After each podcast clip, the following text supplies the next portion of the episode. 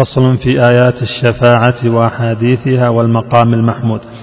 كذا له الشفاعة العظمى كما قد خصه الله بها تكرما. من بعد إذن الله لا كام يرى كل قبوري على الله افترى.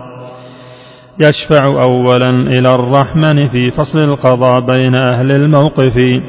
من بعد أن يطلبها الناس إلى كل أولي العزم الهداة الفضلاء.